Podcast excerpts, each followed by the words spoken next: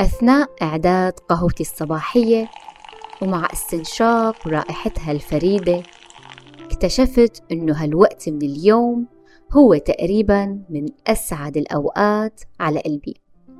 القهوة ما لها مجرد مشروب عادي بل هي تجربة تضفي السعادة والبهجة على حياتنا اليومية. اليوم رح نكتشف سر هالسعادة الصباحية. وسر هالكوب الدافئ وأثره على مزاجنا وصحتنا النفسية يا ترى شو علاقة القهوة بشخصيتنا؟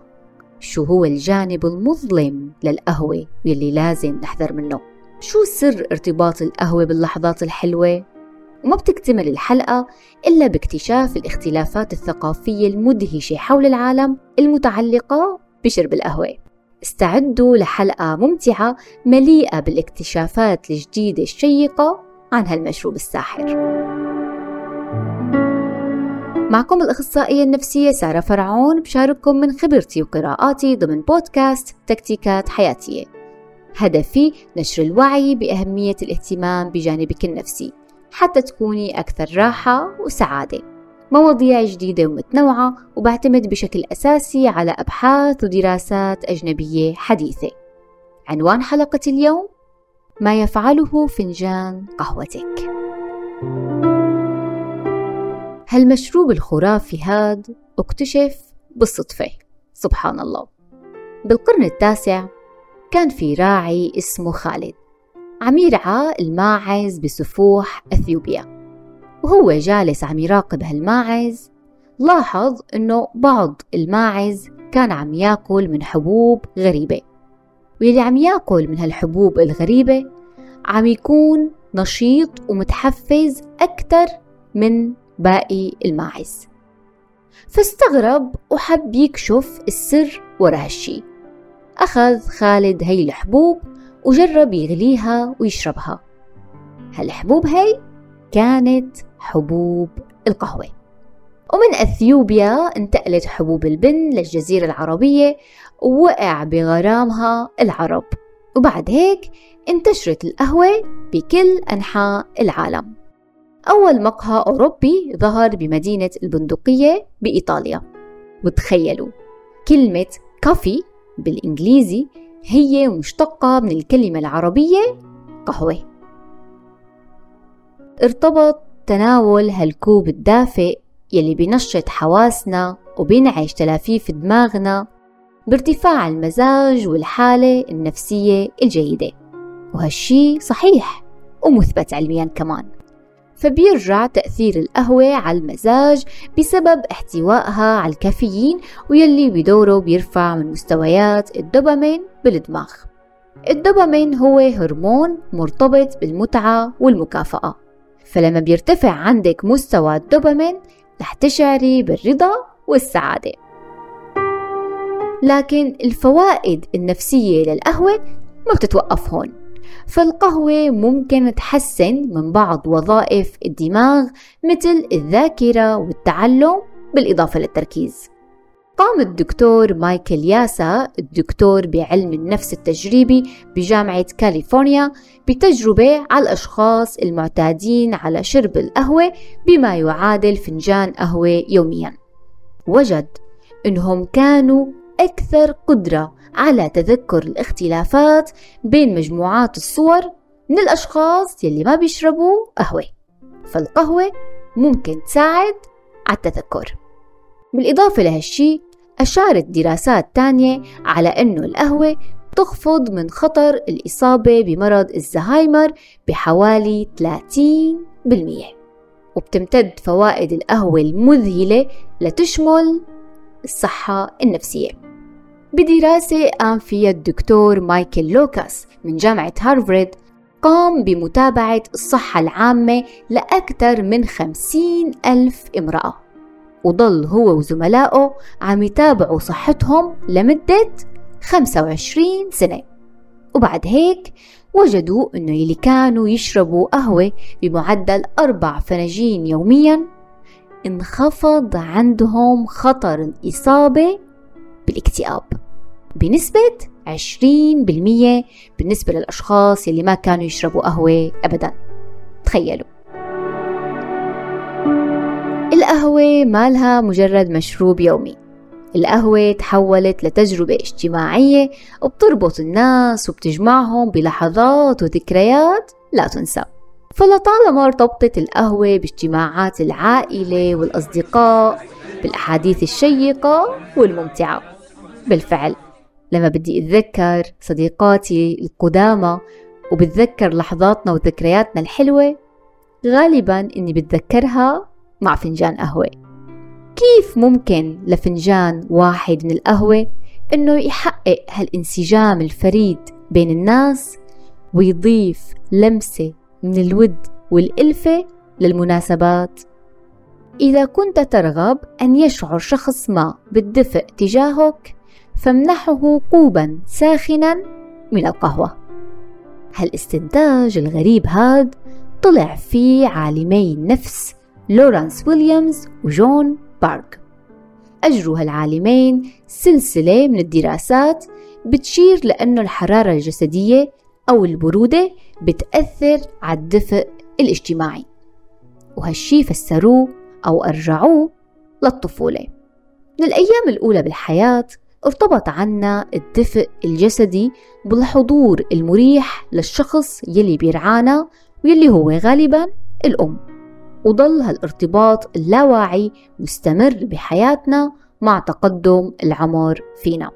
فبيقترحوا هالعالمين إنه الشعور بالدفء الجسدي مو بس بيولد مشاعر دافئة تجاه الشخص اللي بنكون معه بل ممكن يولد كمان نوع من الشعور بالشبع الاجتماعي.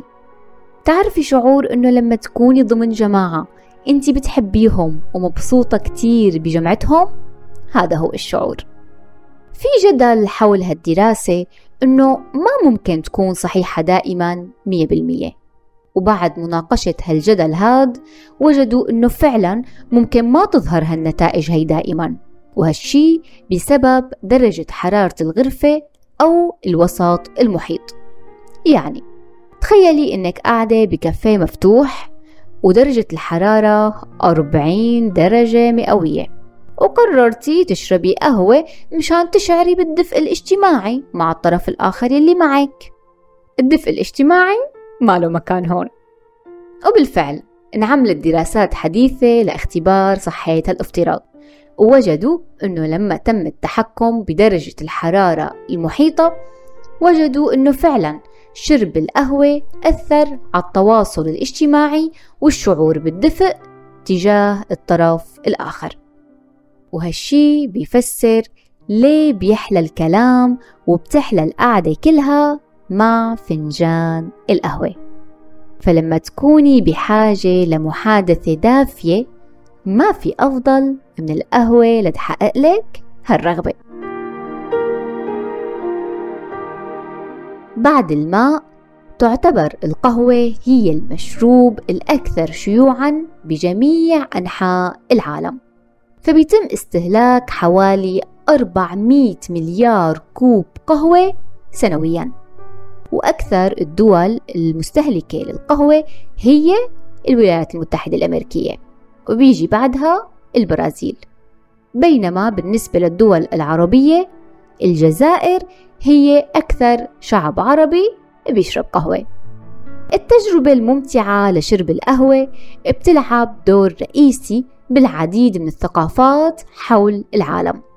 لكن كل ثقافة وإلها عاداتها المختلفة بشرب القهوة. بغالبية الدول العربية إذا مو كلها فنجان القهوة هو شيء أساسي يقدم للضيف أثناء الزيارات. بدول الخليج بيشربوا القهوة العربية يلي هي عبارة عن قهوة خضراء مع هيل مطحون وبيقدموها مع التمور اللذيذة ببلاد الشام تمتلك القهوة تقاليد خاصة فهي بتعتبر جزء من طلب الزواج. فلما أهل الشاب بيزوروا أهل البنت ببيتها ليطلبوها للخطبة لازم تدخل البنت وهي عم تقدم القهوة الهم وبالأيام العادية ما بتحلى قهوتنا إلا مع صوت فيروز.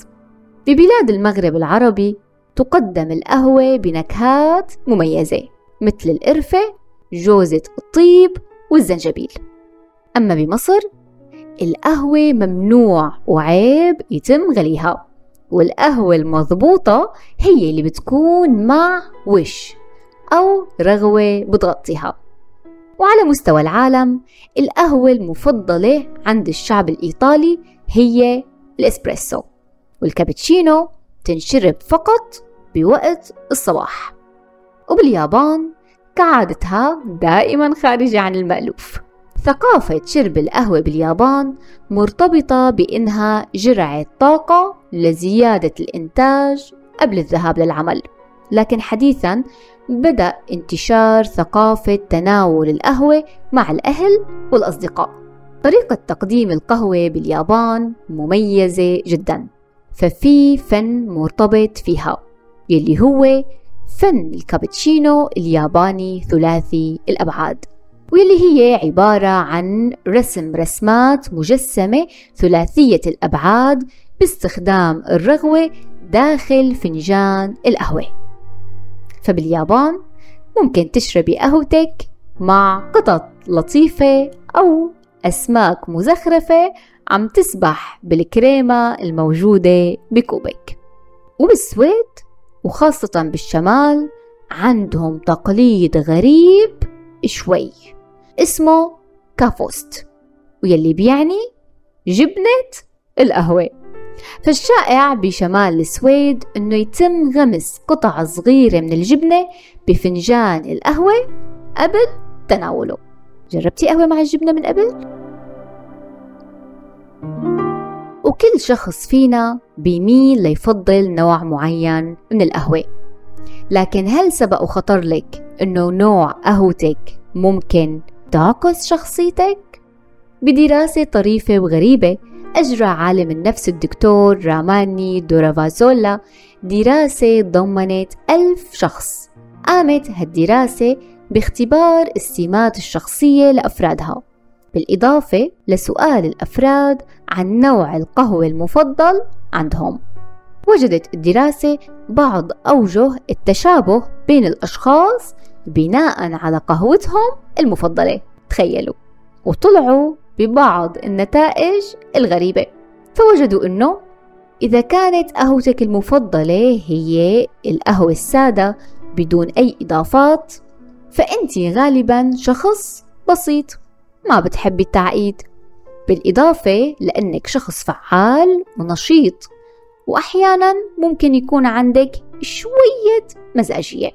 بينما إذا كنت بتفضلي القهوة مع سكر حليب أو أي إضافات تانية فأنت شخص متعاون منفتح وكريم وبتميلي لإرضاء الناس.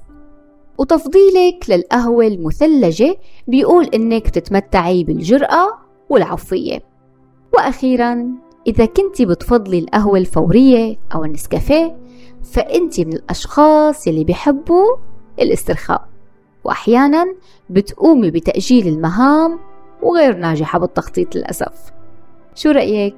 لقيتي رابط بين قهوتك وشخصيتك؟ بيقولوا إنه حتى القمر له جانب مظلم. مع وجود كل هالفوائد الرائعة للقهوة هالشي ما بيمنع أبدا إنه يكون عندها جانب مظلم. هالجرعة من المتعة هالجرعة من السعادة ممكن يكون إلها تأثير سلبي أحيانا. وفقا لدراسة حديثة وجدت أنه شرب القهوة قبل الذهاب للتسوق ممكن يشجع على الشراء. فوجد فريق الدراسة أنه الأشخاص اللي بيشربوا فنجان إسبريسو قبل الذهاب للتسوق أنفقوا المال بنسبة زيادة 50% من الأشخاص اللي ما شربوا قهوة مو بس هيك ومالت اختياراتهم للأطعمة الدسمة وللمنتجات الكمالية أكثر من المنتجات أو الأشياء المفيدة طب ليه هيك صار؟ شو السبب؟ بصراحة إذا بدنا نفكر بهالشي منلاقيه شي منطقي جدا. الدماغ لما بيكون تحت تأثير الدوبامين اللي حكينا عنه قبل شوي واللي هو الهرمون المسؤول عن المتعة ما عاد بده شي مفيد. وبوجود الدوبامين المكان المسؤول عن التفكير المنطقي بيكون أقل نشاط من باقي الأوقات. بالإضافة لهالشي الكافيين بيعطي طاقة ونشاط وهالشي بيخليكي تشعري بالإثارة والحماس. والشعور بالحماس بيخليكي أكثر اندفاعا. والإندفاع هو اللي ممكن يخليكي تنفقي المال بشكل أكبر. خلوا هالمعلومة سر. انتبهوا يعرفوا فيها آبائكم أو أزواجكم لما يكونوا معكم أثناء التسوق. من الآثار الأخرى السلبية للقهوة والشائعة جدا هي تأثيرها على النوم. فشرب القهوة بكميات كبيرة خلال اليوم أو شرب القهوة قبل النوم بوقت قصير ممكن فعلا يسبب لك أرق أو يخلي نومك مضطرب وجودته منخفضة. المعدل الطبيعي حسب منظمة الصحة العالمية هو من 3 ل 4 فناجين قهوة يوميا أو ما يعادل 400 ميلي ولما بيزيد استهلاكك عن المعدل حتلاحظي إنه زاد عندك التوتر صرتي أكثر عصبية وممكن كمان يصير عندك اضطراب بالمعدة. والإفراط بشرب القهوة ممكن يتطور مع الوقت لنوع من الإدمان وهو أكثر أثر ضار وسلبي للإكثار من شرب القهوة. هالإدمان للأسف بيشبه كتير إدمان المخدرات لأنه لما تتحول القهوة لإدمان بيصير صعب كتير التوقف عن تناولها وممكن تترك آثار نفسية وجسدية مؤلمة. فوفقا للجمعية الأمريكية لعلم النفس عند الإدمان على القهوة أو الكافيين ممكن إنه يعاني الفرد من شيء اسمه متلازمة انسحاب الكافيين. وهي بتصيب الأشخاص يلي بيفرطوا بتناول القهوة. فبيبدأوا يعانوا من الصداع التعب ممكن اكتئاب صعوبة بالتركيز لما بيتأخروا بتناول فنجان القهوة. وهالشي بيزيد من صعوبة التخلص من هالإدمان. الجانب المظلم للقهوة ما له نهاية بل هو دعوة للتوازن والاعتدال باستهلاك هالمشروب اللذيذ. ونحن يلي منختار أي جانب بدنا من القهوة. من الأشياء يلي ممكن تساعدك إنك تستمتعي بفوائد القهوة هي حاولي تأخير تناول فنجان القهوة الصباحي لساعة على الأقل بعد استيقاظك. جسمك بفترة الصباح الأولى بيكون عنده طاقة ونشاط طبيعية طالما كان حاصل على نوم جيد وكافي. لهيك فكرة جيدة إنك توفري فنجان القهوة لوقت تقل فيه طاقتك شوي. بالإضافة لهالشي بتكوني ما اعتمدتي على فنجان القهوة ليصحيكي ويعدل مزاجك الصباحي. وإذا كنتي من الأشخاص الغير معتادين على شرب القهوة مالك مضطرة أبدا تغصبي نفسك عليها. استخدميها وقت بتكوني فعلا بحاجتها. ممكن لما يكون عندك ضغط عمل وبحاجة لجرعة طاقة أو وقت يكون عندك سفرة طويلة مثلا أو ممكن قبل محاضرة مهمة بالجامعة. حاولي يكون آخر فنجان قهوة لإلك باليوم قبل النوم بست ساعات. وهالشي حتى ما يأثر الكافيين الموجود بالقهوة على جودة وكفاءة نومك. وهالشي بيأكد عليه الدكتور كريستوفر ديريك عالم الأعصاب أو دكتور الأعصاب. وأخيرا إذا بتشعري إنه عندك إدمان على القهوة لا تترددي أبدا إنك تبدأي بالتخلص من هالإدمان. من الاستراتيجيات الفعالة اللي بتساعدك على هالشي هي التحكم بالمحفزات. يعني شوفي شو الأشياء يلي عم تحفزك لتناول المزيد من الكافيين وحاولي تحكمي فيها.